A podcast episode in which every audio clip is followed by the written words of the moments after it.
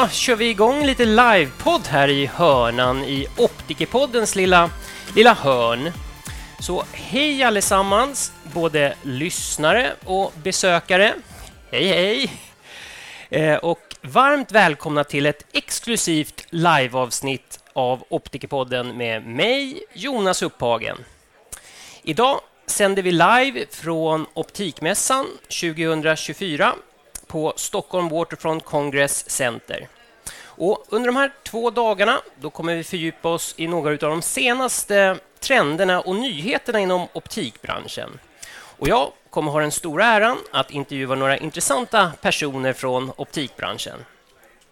Först ut blir Thomas Andersson från Size. Och här kommer vi prata lite om nyheter inom glas och instrument från Size.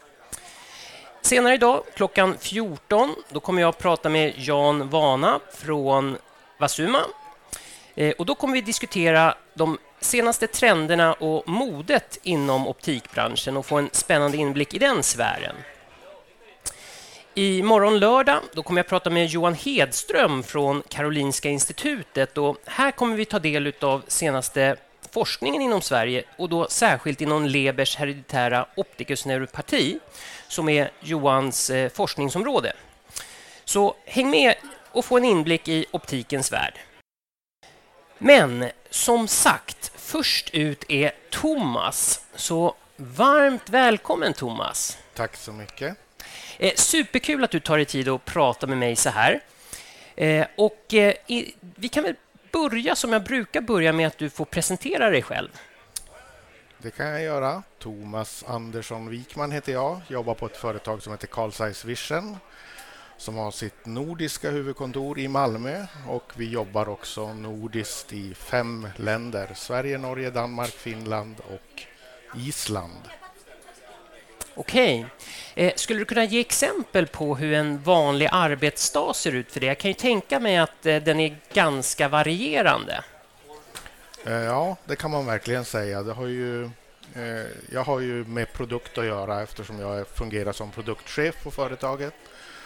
Eh, så när det kommer till produkt så brukar jag alltid vara med i diskussionerna men vi har ett fantastiskt lagarbete där vi har sälj, marknad, IT, ekonomi, alla är med i när vi tar fram nya produkter och hur vi ska lansera dem och, och hur allting ska gå till. Eh, men produktdelen eh, är ju så att säga på mitt bord. Då. Och eh, jag sitter mycket i telefon förstås, pratar med kunder.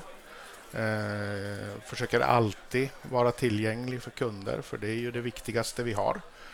Um, och sen de senaste åren kan man väl säga så har det blivit mer och mer fokus på utbildning också. Så att det är ett ehm, stort behov och vi försöker sätta upp program varje vår, varje höst där folk då kan anmäla sig både till olika typer av ska säga, digitala event, webbinar och så vidare och även fysiska eh, event med träffar då helt enkelt där man samlas i Stockholm, Göteborg, Malmö, Umeå, var som helst eller i något annat nordiskt land helt enkelt.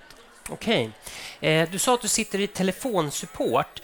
Eh, är det optiker eller är butikspersonal som brukar höra av sig oftast? Eh, oftast optiker, men det kan vara både och. Absolut. Eh, vad är det optikerna brukar ha funderingar om?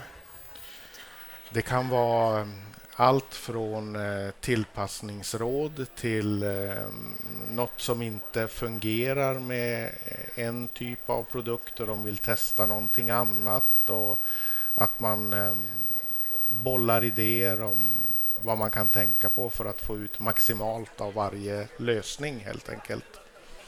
Okej. Okay.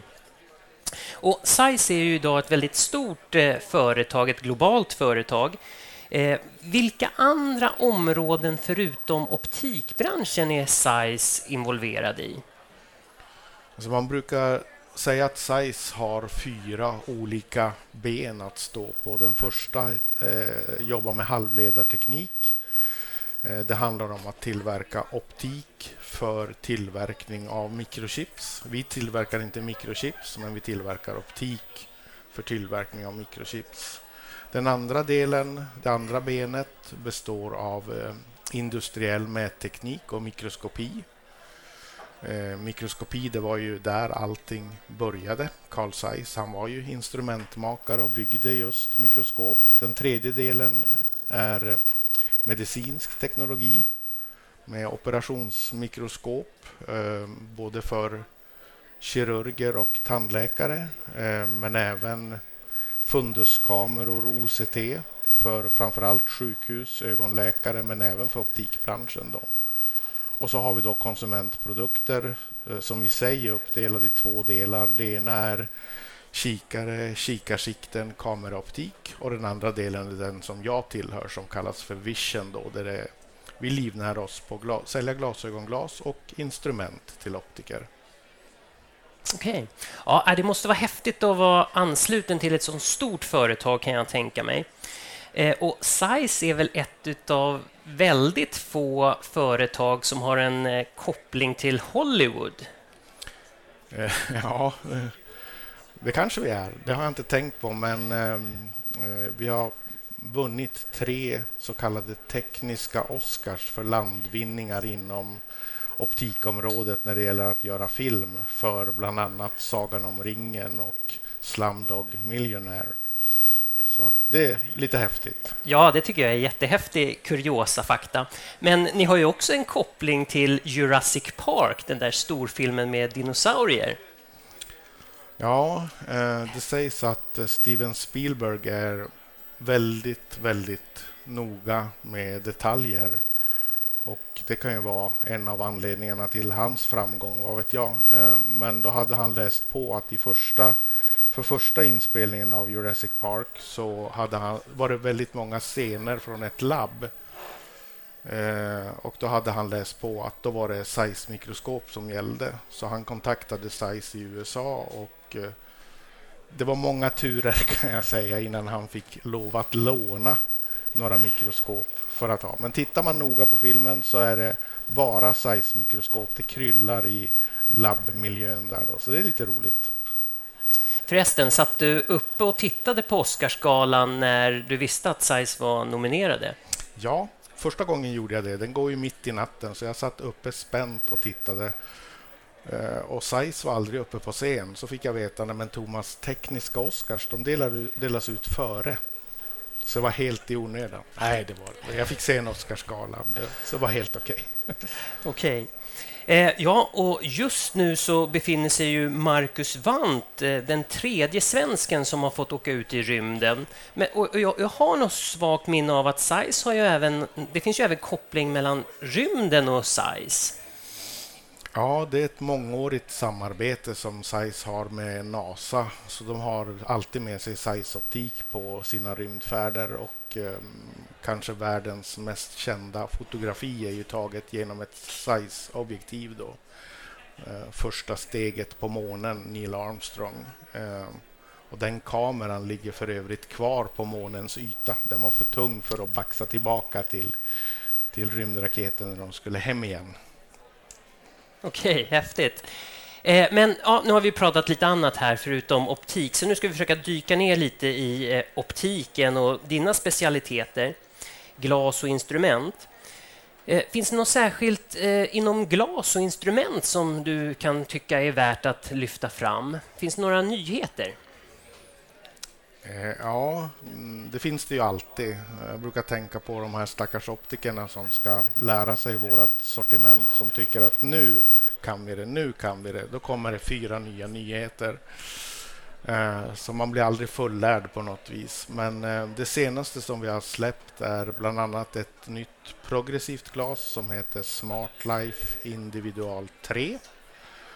Som jag tycker är väl värt att nämna och även ett nytt undersökningsinstrument som heter Visucore 500. Och och eh, båda de kan man ju naturligtvis höra mer om i våran monter då förstås. Eh, men kan du säga någonting kort om, vad sa du, Visu... Visucore 500. Kan du säga någonting mer om den? Vad, vad, finns det för funktioner i den? Ja, det är ett kompakt undersökningsinstrument, Visu. Nästan alla våra instrument heter något med Visu i början. Och CORE står då för Compact Refraction. Så det är, ett, eh, det är ett instrument som är framtaget för de butiker som känner att de vill göra, ha möjlighet att göra fler undersökningar men kanske inte ha utrymme för ett extra undersökningsrum. Och då kan den här passa perfekt. Den tar två gånger två meter i utrymme.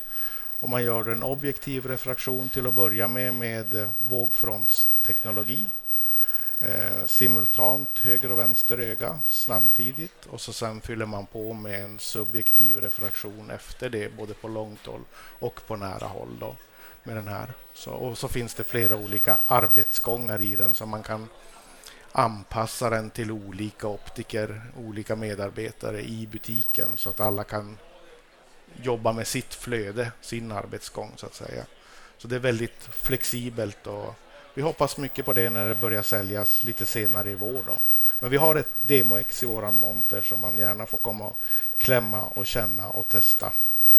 Ja, vad spännande. Ja, jag kommer jättegärna förbi och kika på den. Du är välkommen. Eh, du var inne på vågfrontsteknologi och jag vet ju att du är jätteduktig. Du är en jätteduktig pedagog som kan förklara väldigt avancerade saker väldigt enkelt. Jag, jag har hört exempelvis att när du pratar om OCT så beskriver du det som att, att eh, ja, vi tar ett foto eh, på en, en en, en prinsesstårta. Det är ett vanligt fundusfoto. Mm. Men när vi har en OCT så skär vi en tårtbit i, i tårtan och så kan vi se alla lager i tårtan.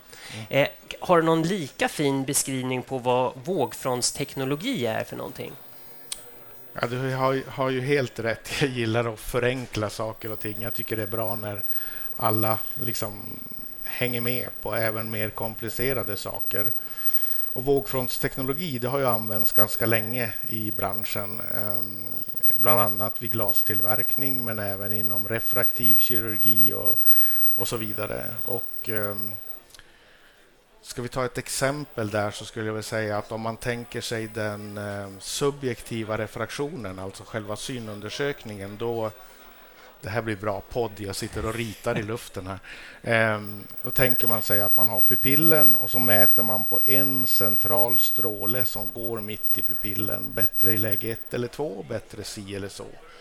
Och så får man fram eh, styrkor och allting och det fungerar ju jättebra. Skillnaden med vågfrontsteknologi, om man börjar med det, det är att den skickar in, i vårt fall, då 1500 strålar över hela pupillöppningen så att man får med även allt skrot som ligger runt om den centrala strålen. Eh, vi fångar alltså upp alla optiska fel i det här exemplet i det mänskliga ögat, då, även det som ligger i periferin. Eh, och så jobbar vi med det. De kallas ju för högre ordningens aberrationer, då, de som vi fångar upp. Och så försöker vi skräddarsy glasen ännu lite bättre med hänsyn taget både till synundersökningen och vågfrontsdata och kombinera det till ett nytt recept helt enkelt. Så det är ett exempel på hur vi använder vågfrontsteknologi. Men i, egentligen handlar det om många strålar över större yta istället för en enskild ljusstråle. Okej. Okay. Jag hörde också talas om en produkt som ni kallar för VTO, Virtual Try-On. Vad är det för någonting? Eh, det är, eh, vi har ett... Eh, mina tyska vänner de vill att jag ska säga en digital plattform. Jag hatar ordet plattform. Alltså vi har ett jag kallar det för ett centreringsinstrument som är oerhört avancerat. En pelare som går upp, två armar som går ut. Nu är det bra podd igen, här nu ritar jag i luften. Ehm, och så är det nio olika kameror som fångar upp en exakt centrering med hänsyn taget till PD, genomblickshöjd, toppunktsavstånd, inklination, skivvinkel. Alltså alla de här parametrarna som är viktiga för bästa funktion på glasen. Men i det systemet så finns dessutom en möjlighet att ta en avatar, alltså en bild av sig själv och så kan man prova. Jag tror bildbiblioteket idag består av 10 000 virtuella bågar så att man kan prova det där på sig själv i butiken. Och det är så fiffigt gjort för optiken bestämmer, bestämmer själv vilka bågar han vill visa. Och in, han behöver inte ha 10 000 bågar som man visar i det här systemet. Är det vissa varumärken eller någonting annat. Då bara tar han bort dem så att de inte syns så att säga. Eh, och så visar han dem han vill jobba med. Eh, så att det är väldigt smidigt. Och tanken är nu nästa steg då att det ska bli eh, virtual try-on at home så att konsumenten kommer åt sin egen avatar i optikerns system och kan sitta hemma i soffan och välja bågar. Och liksom, det är nästa steg på det här. Då.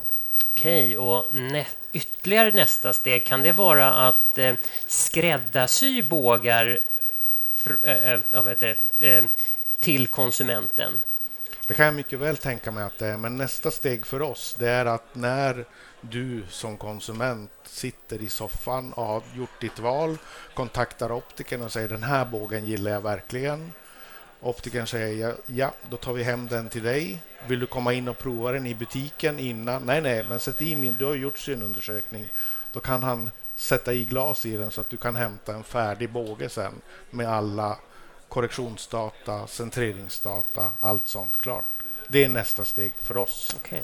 Och Sen kan jag mycket väl tänka mig att det kommer någon variant med skräddarsy egna bågar och, och göra sådana saker också. Eh, ja, du får rätta mig här. Jag, jag, kommer faktiskt inte ihåg vad som gäller, men har Size några bågar också?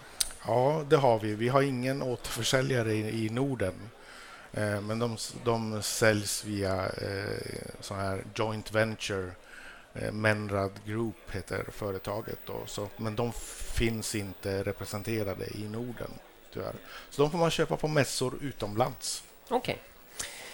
Eh, AI, eller artificiell intelligens, har ju blivit ett modeord de senaste åren. Är AI någonting som är integrerat i SAIs produkter, glas eller instrument? Absolut. Och här får man ju verkligen hålla tungan i rätt mun. Eh, det är ju... Eh, AI är ju ett sånt skrämselord för många, men alltså om vi tar vårt nya progressiva glas till exempel som vi pratade om i början, Individual 3. Eh, där jobbar vi med 12,5 miljoner mätpunkter i ett jättestort hav av data för att, så att säga, skräddarsy glasen så långt det är tekniskt möjligt. Och Den processen skulle vara helt omöjlig om vi inte använde oss av artificiell intelligens på ett snällt sätt på ett snällt sätt. Eh, du, du nämnde VisuCore tidigare. Är det en efterträdare till iProfiler eller är det två olika instrument? Det är två olika instrument. VisuCoren, det nya instrumentet, det är en eh, något förenklad version av vågfrontsmätare eller aberometer som det heter på fint språk. Och så är det då synundersökning med rödgrön separation. Eh, ingenting polariserat utan rödgrön separation i bakgrunden. Eh, Medan iProfiler är ju ett 4 i 1 instrument. Där har du ju autorefraktor, keratometer, topograf och vågfrontsmätare. Så det är någonting annat kan man säga. Eh, men vad ska vi göra med all den här mätdatan som du beskrev nu från iProfiler Plus. Eh, för det här är information som vi ska ha när vi skapar glasögon. Mm, absolut. Eh, varför räcker det inte bara med PD och höjd? Det har ju funkat tidigare. Det funkar fortfarande och det är jättemånga som jobbar så och tycker att det är alldeles utmärkt. Det vi gör med eh, både med det nya instrumentet VisuCore och med iProfilen det är att vi med vågfrontsteknologin som ligger bakom där, det är att vi öppnar upp så att vi inte bara fångar upp svär, cylinder, axel, prisma, alltså det som man kallar för lägre ordningens aberrationer. Utan med vågfrontsteknologin så fångar vi även upp högre ordningens aberrationer som sfärisk aberration, koma, trefoil och kan skräddarsy glasen ytterligare lite grann. Och jag har läst i flera olika skrifter att man brukar säga att av alla fel i det mänskliga ögat så ligger i genomsnitt 80 procent på lägre ordningens aberrationer. Alltså det som man fångar upp vid den vanliga synundersökningen. Så det är ju det absolut viktigaste. Men så mycket som 20 procent kan man alltså tillföra med den här tekniken. Och det kan ju bli liksom, det är som ett tungan på vågen. Det blir ännu bättre glas i slutändan av det. Eh, skulle, vi kunna, skulle du kunna berätta lite om de högre ordningens aberrationer? Som du sa, det finns ju några stycken där. Eh, skulle du kunna förklara hur, hur, hur, ja, kan du förklara lite mer för, jag tänker framför allt för kanske optikerassistenter som kanske lyssnar på den här podden. Eh, vad är högre ordningens aberrationer för någonting? Eh, det är sådana som ligger framför allt perifert som man bara kan fånga upp med en vågfrontsmätare. Det går inte att hitta dem vid den vanliga synundersökningen. Och de har jättemycket spännande namn, de här olika. Och det här är ju något som inte är nytt, utan det har funnits i alla tider och är ett sätt att förklara egentligen allting optiskt. Eh, men man kan säga att det viktigaste och det som stör, om vi pratar det mänskliga seendet, det som stör det mänskliga seendet, det ligger högst upp i en slags pyramid eller polynom för att förklara aberrationer totalt sett. Högst upp ligger prisma. Det är det som stör det mänskliga seendet mest. Sen nästa nivå, det är då översynthet, närsynthet och astigmatism. Och sen är vi klara med lägre ordningens aberrationer. Sen kommer vi ner på högre ordningens aberrationer som av någon märklig anledning ligger längre ner i pyramiden. Det don't ask me why. Eh, och då pratar vi till exempel koma, trefoil, sfärisk aberration. Eh, och koma brukar jag tänka på. Det är som att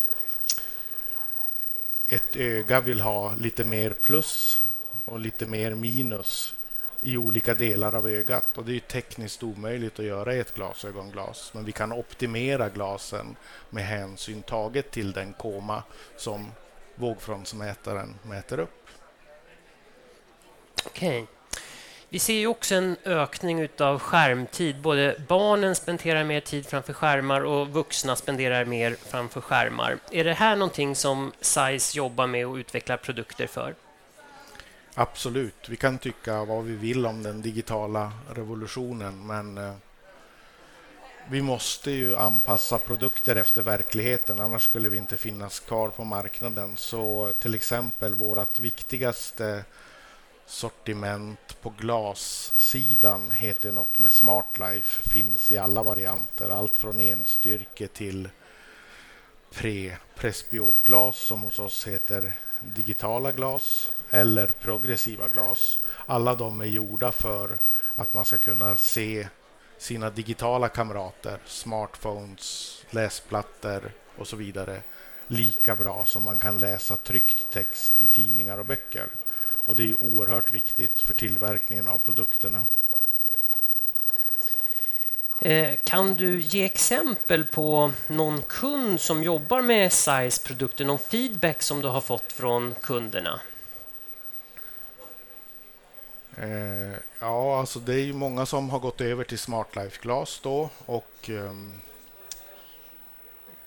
alltså jag, min generella upplevelse av att det är väldigt enkelt att jobba med produkterna, att de är väldigt enkla att rekommendera och tillpassa och att man har extremt få reklamationer. Och det är ju jätte, jätteviktigt för reklamationer, det har ju nästan alla butiker någon gång, men det kostar tid och det kostar pengar. Så det gäller ju att det liksom ska fungera från första början.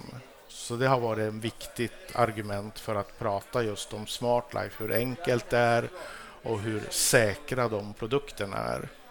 Men samma sak med de som har börjat med iProfilen och börjat med det här tillägget som hos oss heter iScription för att optimera glasen både för högre och lägre ordningens aberrationer. Eh, de upplever ju också en eh, faktiskt en omsättningsökning på en vikande bransch och det har varit väldigt intressant tycker jag. Okej. Okay.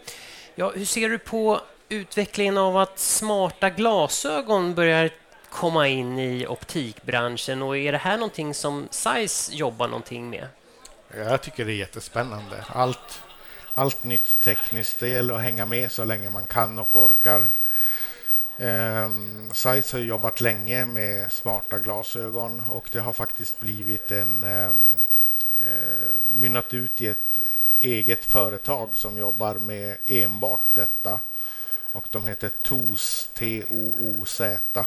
Så de kan man söka upp på nätet och se och jag hoppas på jag är inte helt säker, men jag hoppas på lansering senare i vår av deras första modeller då, som kommer ut.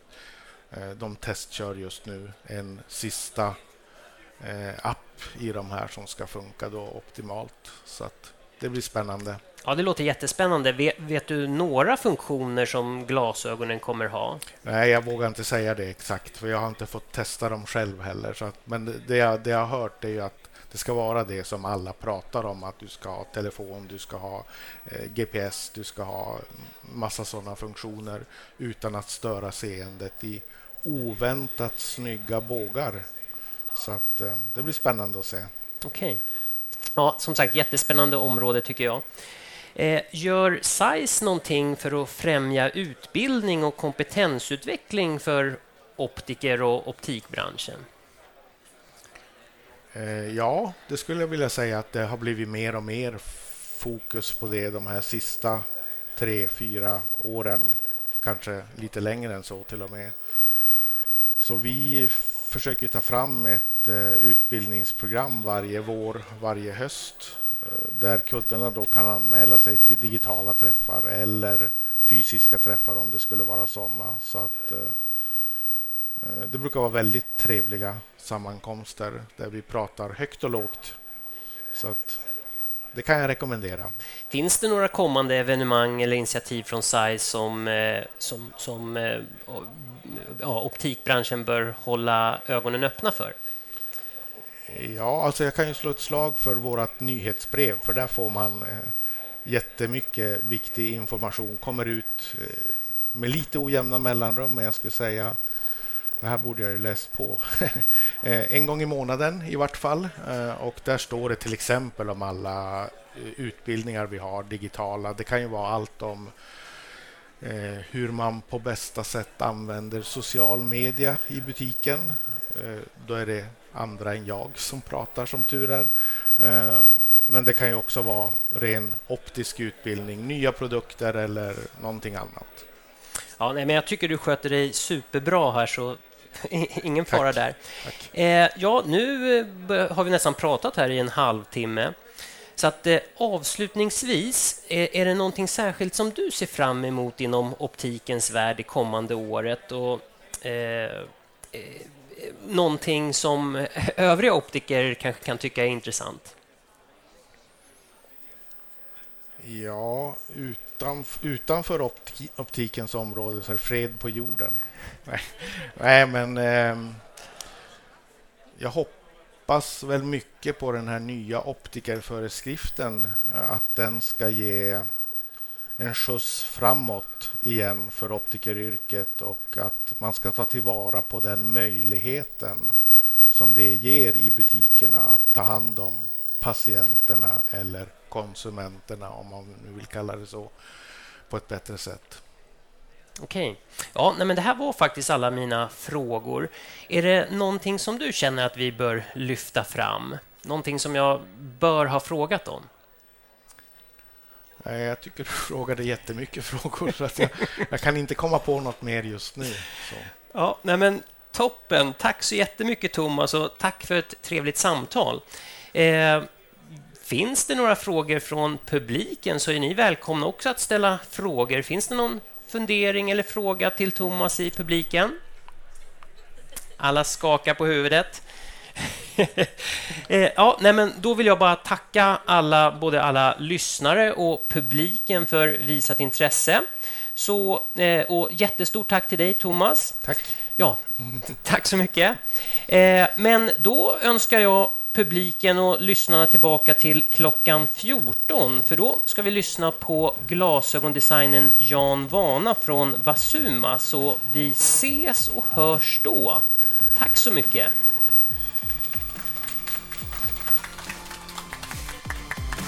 Ja, tack så jättemycket Thomas. Tack, tack.